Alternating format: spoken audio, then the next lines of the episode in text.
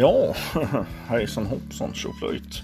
Uh, här sitter jag och uh, ja, funderar och tänker och ser mer i olika banor. Uh, uh, jag satt och funderade på han bunkerläkaren där. Uh, det var en jävla härlig filur uh, som han hade, hade då någon residens där nere i Skånetrakten. Och, mm, uh, eh, sedermera som han, han hade förfogande över. Där då han hade mm, byggt då som någon sorts um, utifrån sett skulle kunna se ut som en liten ja, verkstad, maskinhall eller liknande. Då.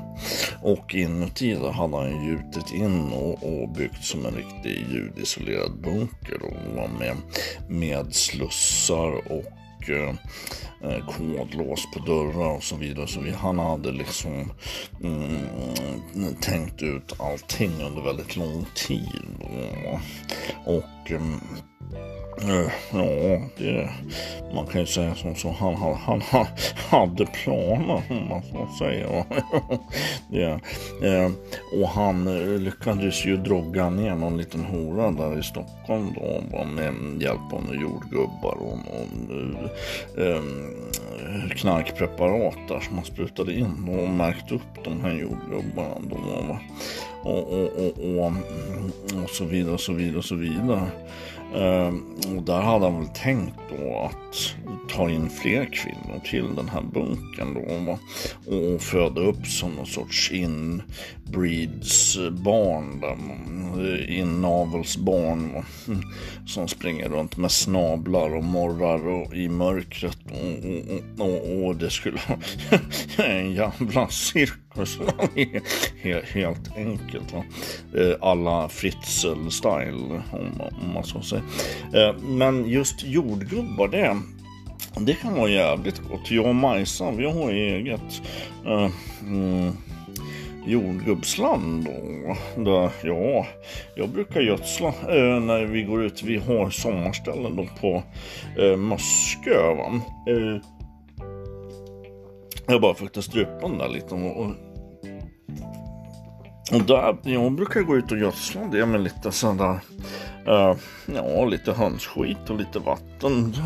Man går runt där i, i, i, i gummistövlar och bara överkropp och bara shortsen. Och så pungen hänger ut och bara, bara andas. Det är helt underbart. Och sen när de har växt sig fina och de blir så söta och saftiga de här eh, jordgubbarna som vi handplockar och ska tilläggas. Det handplockade jordgubbar det rör sig om.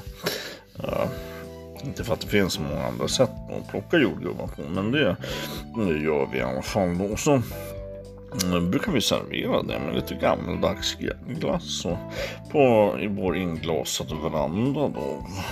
Och där kan man sitta och ha det härligt och underbart och slabba slafsa i sig jordgubbar på löpande band. Vi har också, ska tilläggas då, va, enligt de ballistiska rapporterna förundersökningsprotokollen och modus operandi och så vidare och så vidare och så vidare, gärningsmannaprofiler bland annat, så har vi dessutom då va, eh, så kallade eh, hallonbusken.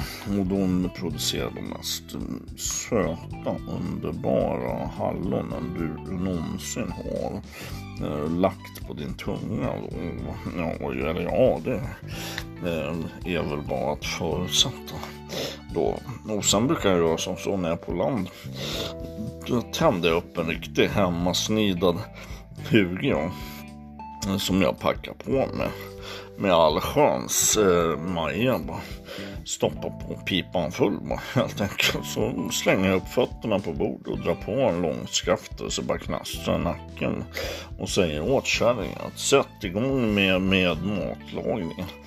Sen brukar jag knäppa av med guldlänken och Rolex-klockan och bara rullera ut magen. Och så bara ligger man och har det härligt på, på landet. Då. Det, det är faktiskt rätt bra tips för er som inte har provat.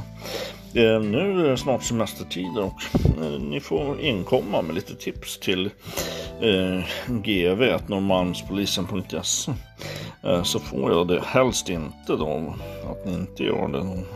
Men eh, Men så får jag det på mitt bord då, så att säga. Eh, nu vet ni i alla fall hur det gick till där med mm, eh, bunkerläkaren och, och hans tillkortakommanden. och så vidare och så vidare. Ja, och så vidare då. Eller ja, det har ni facit på det behöver ni inte grubbla och fundera och ligga sömnlösa. Och, och i, tänka i olika banor. Utan nu, ja det, eller ja det.